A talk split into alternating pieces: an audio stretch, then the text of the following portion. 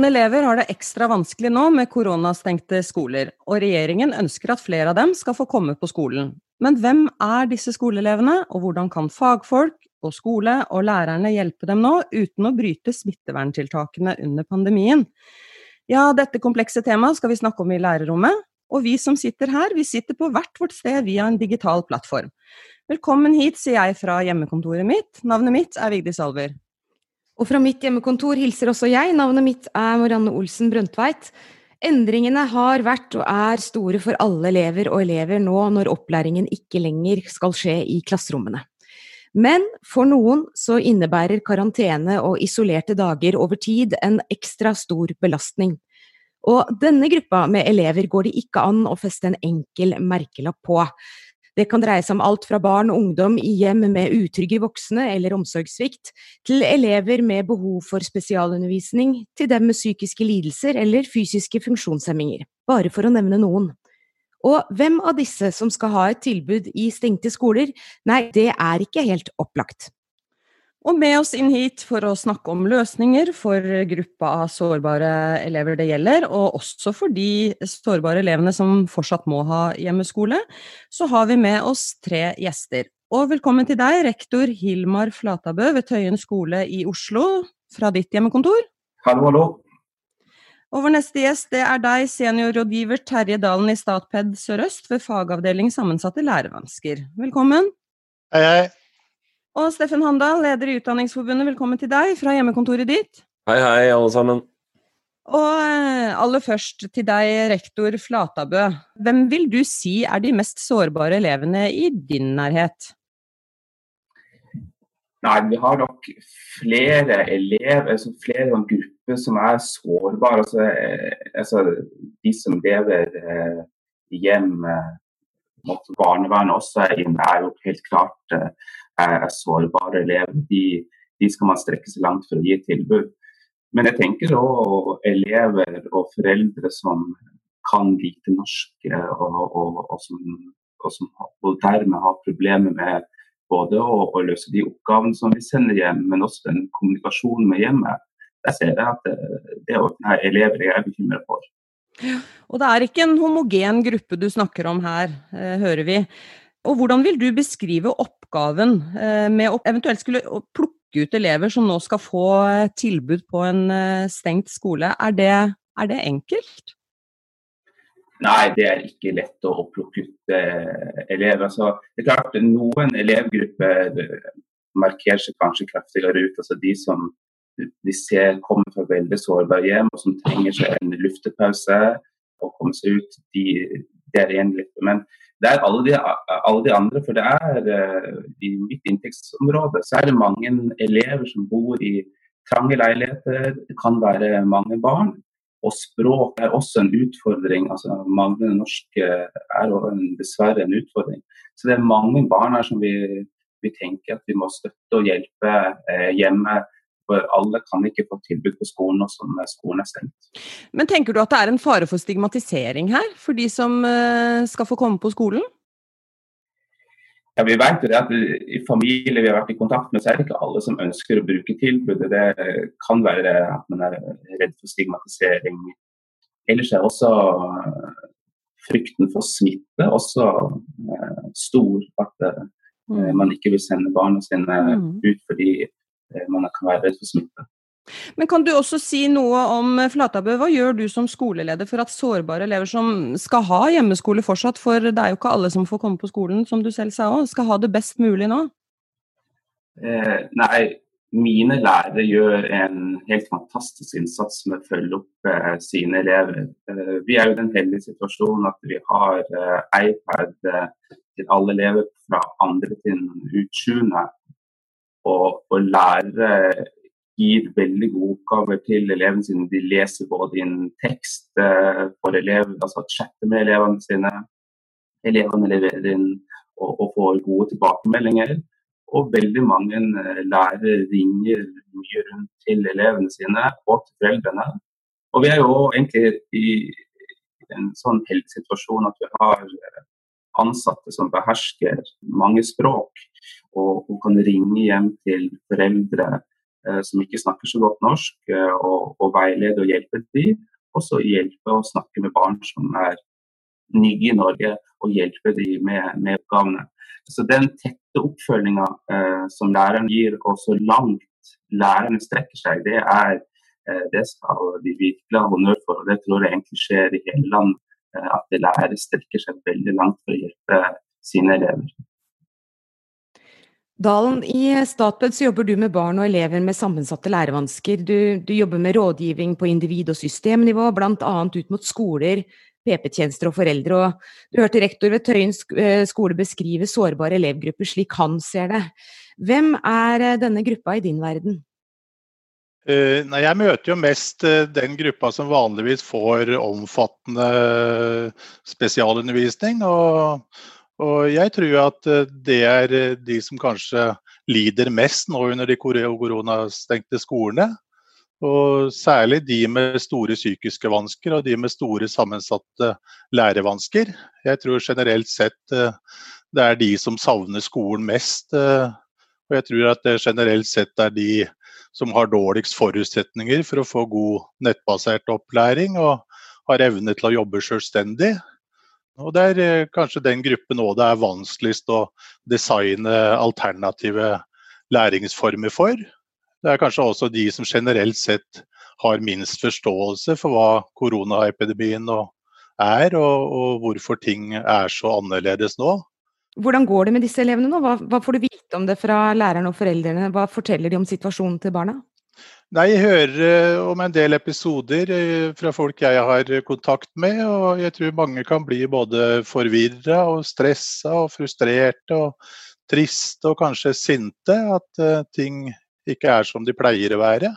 Og det er jo slik at Barn som er forvirra og triste og kanskje sinte, de lærer veldig dårlig og de får utfordringer med sin psykiske helse.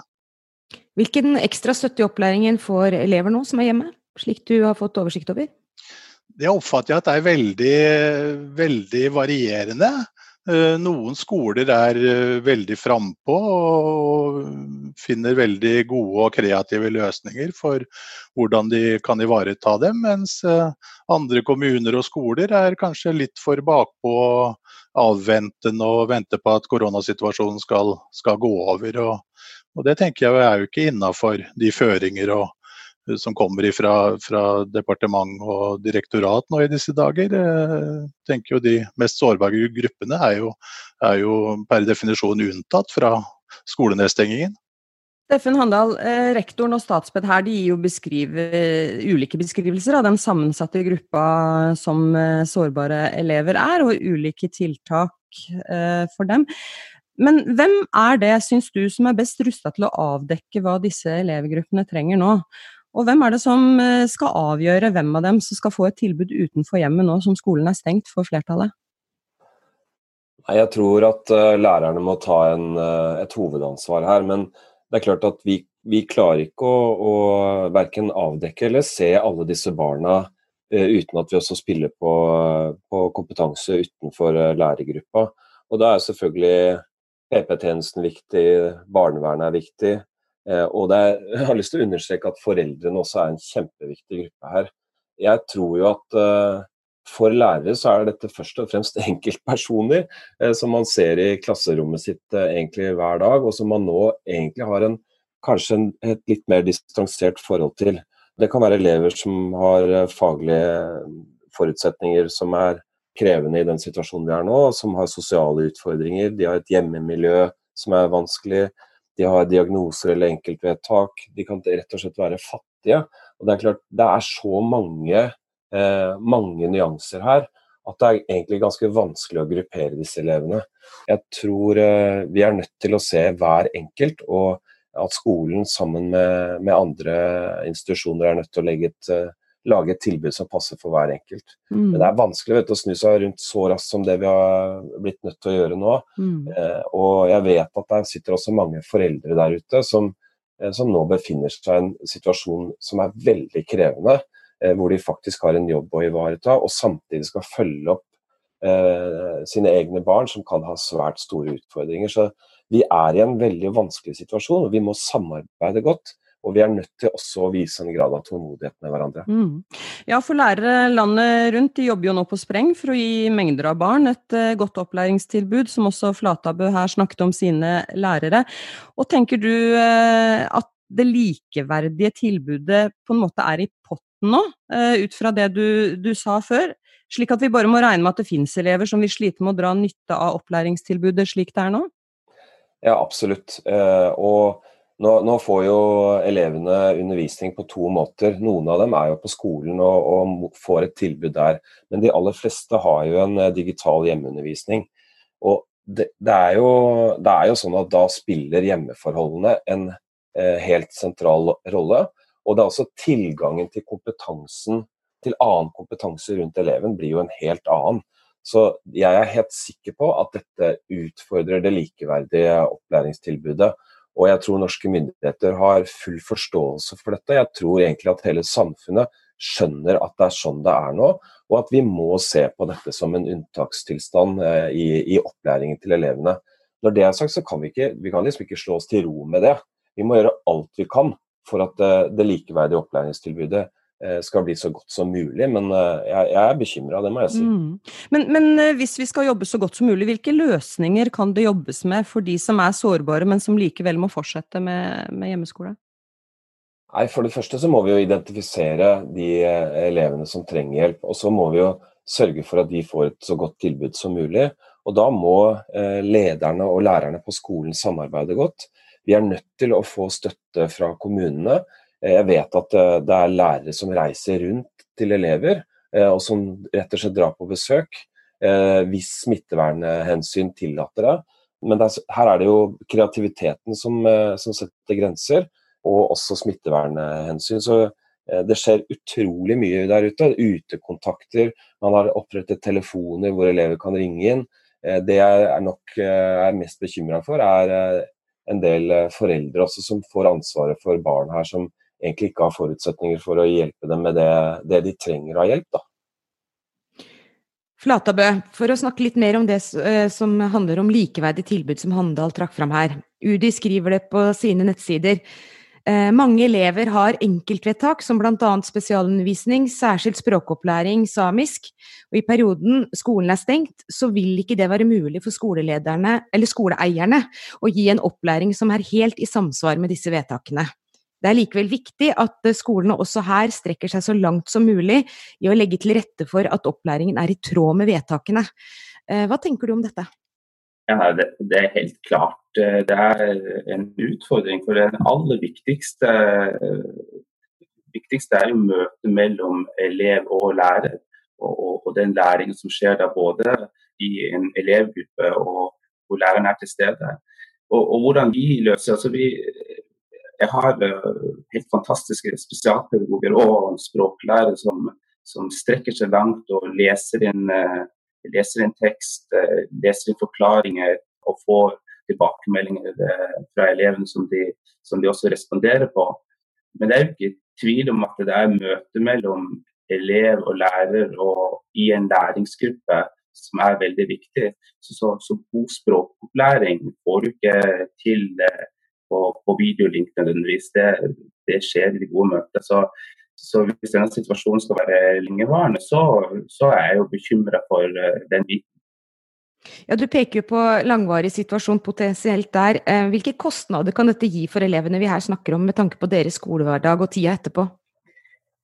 Det, det, det syns jeg egentlig er litt uh, vanskelig å svare på. Men klart, altså, vi har en del elever som, som trenger intensiv norskopplæring. Og for de å være for lenge borte fra norskopplæring eller et norskspråklig miljø, det vil jo selvfølgelig eh, påvirke de. Da blir det jo ekstra viktig at både kommuner og, skoler eh, liksom skjerper eller gir tilbud, veldig, veldig godt tilbud når vi en gang er ferdig eh, med denne unntakstilstanden. Men det er jo ikke alltid at en individuell opplæringsplan, som man jo har når man har rett på spesialundervisning, inneholder kun faglige mål. Mye handler jo også om det sosiale og det å finne en tilhørighet på en skole. Hvordan kan man huske på dette i den tida vi er i nå? Ja, nei, altså det er vanskelig. altså når, når, når, familie skal være hjemme og du skal ha hjemmeundervisning og du skal helst eh, ikke være med så veldig mange andre barn, så får det store konsekvenser for, eh, for barn og unge. Nå prøver vi ut eh, at man skal ha, ha, læringspartnere i Teams og, og, kunne samarbeide på den måten om, om oppgaver eller gjøre noe sosialt sammen. Eh, klassen via eh, via Teams eller annen type eh, video. Men klart det, det kompenserer jo ikke det fysiske møtet uh, som man har. Så, så det er jeg jo uh, bekymra for. Men det er lite en skoleleder får noe med, sånn som vi er akkurat nå, uten å gjøre de tingene som er beskrevet. Steffen Andal? Ja, nei, jeg har lyst til å si noe til dette. For det er, det er klart at her her er det fort gjort å gå ned i, i regler og, og, og, paragrafer, og egentlig fortsette å drive opplæringen sånn som man har gjort, så, eh, så vanlig som mulig. Og det, Jeg tror for mange, mange, barn har rutinen veldig mye å si. Men vi er også i en situasjon som er eh, preget av krise. og eh, da er det liksom, Hvordan skal vi takle det uforutsette? Og da må vi rett og slett improvisere. Og av og til så blir improvisere brukt uh, som et ord med litt sånn tilfeldig omgang med et eller annet. Litt sånn, ja, det bare finner finne på noe der og da. Det er jo ikke sånn det er. Det å improvisere godt, det betyr at du bruker all kunnskapen din, all kompetansen rundt deg. Du er flink til å bruke sansene dine for å kommunisere med andre. Og jeg tror Her snakker vi om å lage f.eks. digital samlingsstund i barnehagen. Eh, hvordan kan vi bruke biblioteket på skolen? kan vi bruke gymsalen eh, fordi at der, er det stor plass til å, til å lage fellesarenaer. Vi er nødt til å bruke kreativiteten her og ha god kontakt med helsepersonell for å se er dette mulig, er det umulig å gjøre i disse, i disse tidene. Så jeg vil, jeg vil, oppfordre folk til å improvisere, bruke kreativiteten og i hvert fall dyrke fellesskapsfølelsen. Særlig for barn som, eh, som er i en sårbar situasjon. Ja, Terje Dalen, hva, hva sier du til dette? Jeg tenker jo at uvanlige situasjoner eh, fordrer eh, uvanlige løsninger. Eh, nå ser jeg jo at direktoratet og departementet kommer med stadig klarere føringer for at spesialundervisningen skal opprettholdes så godt det lar seg gjøre. Og jeg tror at eh, med en tett dialog mellom skolene og lokale smittevernmyndigheter, så tror jeg det er et veldig stort mulighetsrom egentlig for hva man kan få til utover ulike digitale løsninger. Eh, mm. særlig hvis situasjonen nå skal vare i, i uker og måneder, så, så må man være framoverlent. Men hva tenker du ligger i det mulighetsrommet? Hva ville du trekke fram som løsninger her? Jeg tenker utover Nå popper det opp med, med, kreative digitale løsninger, så jeg anbefaler jo lærere til å følge med på ulike plattformer på hva som kommer der. Mange er veldig rause, og det er en delingskultur. Det kommer mange gode råd og tips som er verdt å, å lytte til. men uh, mange har f.eks. muligheter for å drive en del uteskole, eller kanskje hjemmeskole. Det kan bli veldig gode samtaler rundt et bål, eller for den saks skyld på en terrasse i, eh, ved elevens hjem. og det er kanskje ikke utenkelig å gjennomføre spesialundervisning som i enetimer eller i små grupper i et rom på skolen som man sørger for ekstra godt renhold i. Mm. Er det utenkelig å gjennomføre spesialundervisning hvor læreren har på seg munnbind og plasthansker? Eh, kanskje ikke. Eh, Steffen Handal snakka om det likeverdige tilbudet som han er bekymra for. Er du på samme måte bekymra for det? Ja, jeg er bekymra for det. For det, nå har det vært veldig klare føringer og, og mange krav utenfra. At uh, de vanlige elevene skal få hjemmeskole og, den skal drive så godt som mulig. Og så frykter jeg at de med store spesialpedagogiske behov har kommet litt i, i bakleksa i den tenkningen, og at ressursene har blitt brukt for å lage en best eh, mulig eh, hjemmeskole for, for de vanlige elevene, for å si det sånn. Og så de som da krever ekstra kompliserte løsninger, har man kanskje ikke hatt helt kapasitet til. Mm. NRK.no har i en uh, artikkel bl.a. beskrevet situasjonen til en mor og hennes 14-årige sønn med et autismespektersyndrom. Og gutten har et stort behov for oppfølging døgnet rundt, og til vanlig så han, går han på en spesialskole og SFO, og det blir jo da både en avlastning for foreldra, og gutten får hjelp. Og så ble jo skolen stengt. Er dette en vanlig historie som rammer mange uavhengig av en eh, diagnosetype, Dalen? Ja, det tror jeg er eh, ganske mange som opplever i, våre dager. En eh, del barn har store og omfattende helseutfordringer. og at både skole er stengt og mange avlastningstiltak er stengt og organiserte fritidsaktiviteter, så blir foreldrene sittende igjen og har all omsorgen alene og blir veldig veldig slitne av det. Jeg tenker det er dramatisk med tanke på om de egentlig greier å gi barna sine en tilstrekkelig omsorg. Ikke fordi at de er dårlige omsorgspersoner, men for at eh, vanligvis så er det flere til å dele om de omsorgsoppgavene som er veldig krevende, og de har falt bort nå. Steffen, ville du si noe? Nei, jeg, tror at uh, disse historiene ikke er uh, Altså dette, dette, skjer rundt omkring. og uh, det vil jo kunne være en, en personlig krise for de involverte.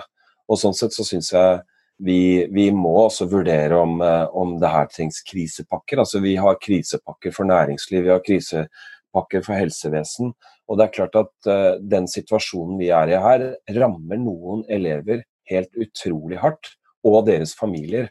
Og, og myndighetene er nødt til å stille opp for at vi skal, i hvert fall hvis dette strekker ut i tid, eh, kunne gi disse elevene et, et tilbud som er mye, mye bedre enn i dag. Og Jeg tror også at kommuner og fylkeskommuner er nødt til å tilta seg en posisjon her, og faktisk eh, eh, ikke vente for lenge på sentrale myndigheter, men faktisk gjøre eh, den jobben som skal til for disse elevene eh, raskt. Og ikke vente på at pengene kommer, eller at eh, det kommer nasjonale retningslinjer. Det tror jeg faktisk gjelder for, for veldig mange lærere generelt i denne situasjonen vi er nå. Her er det om å gjøre å finne gode løsninger, eh, og ikke sitte og vente på retningslinjer og regler. Eh, jeg tror det vil være stor forståelse for at man bruker litt mer ressurser, og at man tenker litt utenfor boksen. Så det er min klare oppfordring. Hvordan syns du dette høres ut, Allen? Jo, og jeg tenker at uh, de ordinære støttetjenester som er der ellers, jeg tenker på PP-tjenesten, skolehelsetjenesten, barne- og ungdomspsykiatrien, habiliteringstjenestene, barnevernet og, og, oss i Statped, vi er jo oppe og, oppe og går, selv om uh, dette har kommet litt kasta på oss òg, for å si det sånn. Vi, vi er tilgjengelig på telefon og på video, videokontakt, så jeg tenker at terskelen i disse dagen, dager for å ta kontakt med, med støttetjeneste bør være, være, ekstra lav. Statped f.eks. Har, jo, har jo en, en spør oss-tjeneste som er bemanna opp nå ekstra med, med personer som har spesielt god kompetanse på digitale læremidler og, og, den slags. Og den er jo åpen for alle og kan, kan nås på e-mail og, og telefon. Der sitter det dyktige rådgivere. Ja, Handal? Ja, nei, jeg synes uh, Dette er kjempeviktig, og jeg er veldig glad for at Terje Dalen sier det han sier nå. Uh, og Jeg må jo si jeg ble litt overraska da jeg hørte historier om at uh, man enkelte steder ville permittere folk i PP-tjenesten. Altså, Det kan vi ikke samtidig som det behovet er sånn som det er der ute. Så her må, her må myndighetene tenke seg godt om. altså. Handal, i den tida vi er inne i nå, så ser vi jo mye i bakspeilet. Eh, hvis vi ser framover, så har tiltak og konsekvenser altså maks et par uker og kanskje noen dager til i et tidsperspektiv. Men til sammen så begynner dette å bli en ganske lang periode for disse elevene. Eh, hva gjør det med måten vi ser på disse problemene og det som kan ramme disse gruppene av barn og unge? Nei, først og fremst så må vi jo eh, ganske raskt finne ut av hva er skaden her. Hva, hva er det vi kan gjøre for å kompensere for den? Eh, og så tror jeg altså Det er én ting som, eh, som, slår meg i denne diskusjonen. Det er jo at til vanlig så er jo disse elevene på skolen og får et opplæringstilbud. Er det godt nok? Bør vi også stille spørsmål om vi lærer noe om hvilke omfattende behov disse elevene faktisk har, på en annen måte nå, og at vi til og med kan få et annet politisk trykk for å gi dem et veldig mye bedre tilbud enn det de faktisk hadde i en normalsituasjon nå. Så jeg tror at oppmerksomheten rundt disse barna, men også opplæringen i stort, kan faktisk bidra til at vi ser litt annerledes på, på det likeverdige opplæringstilbudet. Men det er ganske vanskelig å se fremover nå, eh, Marianne, fordi alt er så usikkert. og og vi vet ikke hvor lenge det varer. Så det, det å spå er så krevende, syns jeg. Et uh, nok eksempel her. I en artikkel i Dagbladet så beskriver en annen rektor og en sosiallærer ved en ungdomsskole i Oslo hvordan de følger elevene sine tett nå under koronasituasjonen. Og det er elever som kan ha vanskelige hjemmesituasjoner, og de blir ekstra urolige av at fritidstilbud og skole er stengt. Og rektor og sosiallærer de er ute i nærområdet, der treffer de ungdommene uten å bryte smitteverntiltakene. Det er også flere miljøarbeidere ute på denne måten. Og dette er jo kanskje en annen gruppe sårbare elever enn de vi har snakket om nå. Og er dette Flatabø eh, løsninger dere har gjennomført eller tenkt på ved din skole? Det, det er jo noen elever som vi, vi, nå fremover kommer til å tilby eh, noe på skolen. Men vi, vi, har ikke aktivt søkt ut eh, i nærmiljøet, det har vi ikke. For vi har òg eh, litt sånn debatten i stad rundt spesialpedagoger. For vi har òg lærere som er i karantene. og det er som fint kan jobbe hjemmefra og gi god digital opplæring til elevene. Men det gir noen praktiske utfordringer når man skal eh, organisere møter med elever. Eh, og jeg sitter på en måte og organiserer og har ansvar for den organiseringa. Så det gir noen utfordringer òg eh, når man skal tenke utenfor boksen slik sett. Men helt klart at der, der klarer man å, å, treffe flere elever som er innenfor reglene for smittevern, så, så, tenker jeg at det er veldig positivt. og Det, det har vi startet å se på. Det å komme til å, å, å se på i nærmeste framtid om vi klarer å få til på en bedre måte. Ja, ja, fordi Er det noen andre som har noen kommentarer på dette? For dette er en veldig sånn enkel løsning på elever som kanskje ikke vil kunne komme inn på skolen, men som likevel kan eh, komme til å få et tilbud som er annerledes enn å bare være hjemme. Ja, Handel? Ja, det enkle er ofte det beste. Jeg anbefaler egentlig alle om å sette dette på dagsorden på sin skole og snakke om hvordan, hvordan kan vi bruke ressursene våre. Eh, det vet jeg blir gjort veldig klokt rundt omkring. Jeg, jeg opplever at lærere strekker seg ekstremt langt i disse dager for å, eh, for å yte sitt eh, i kampen for det likeverdige opplæringstilbudet, for å si det på den måten det er jo herlig å se kreativiteten som utvises. da. Og jeg, jeg har lyst til å legge til én ting, for det, kan bli litt sånn eh, Det kan bli litt depressivt, eh, dette. Det fins faktisk også eksempler på at den situasjonen vi er inne i nå, eh, gjør at noen elever faktisk blir sett bedre enn det de blir til vanlig. Og Jeg har snakket med flere lærere som har fått den tilbakemeldingen fra enkelte elever. At det at man er digitalt til stede, gjør faktisk at oppfølgingen blir en annen for den enkelte.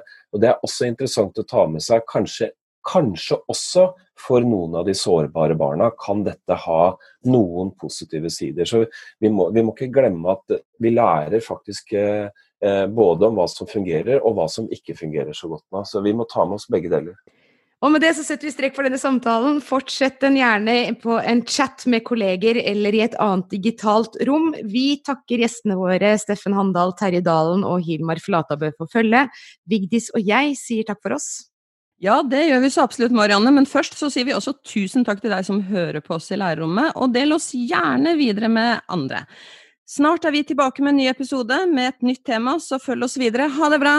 Ha det!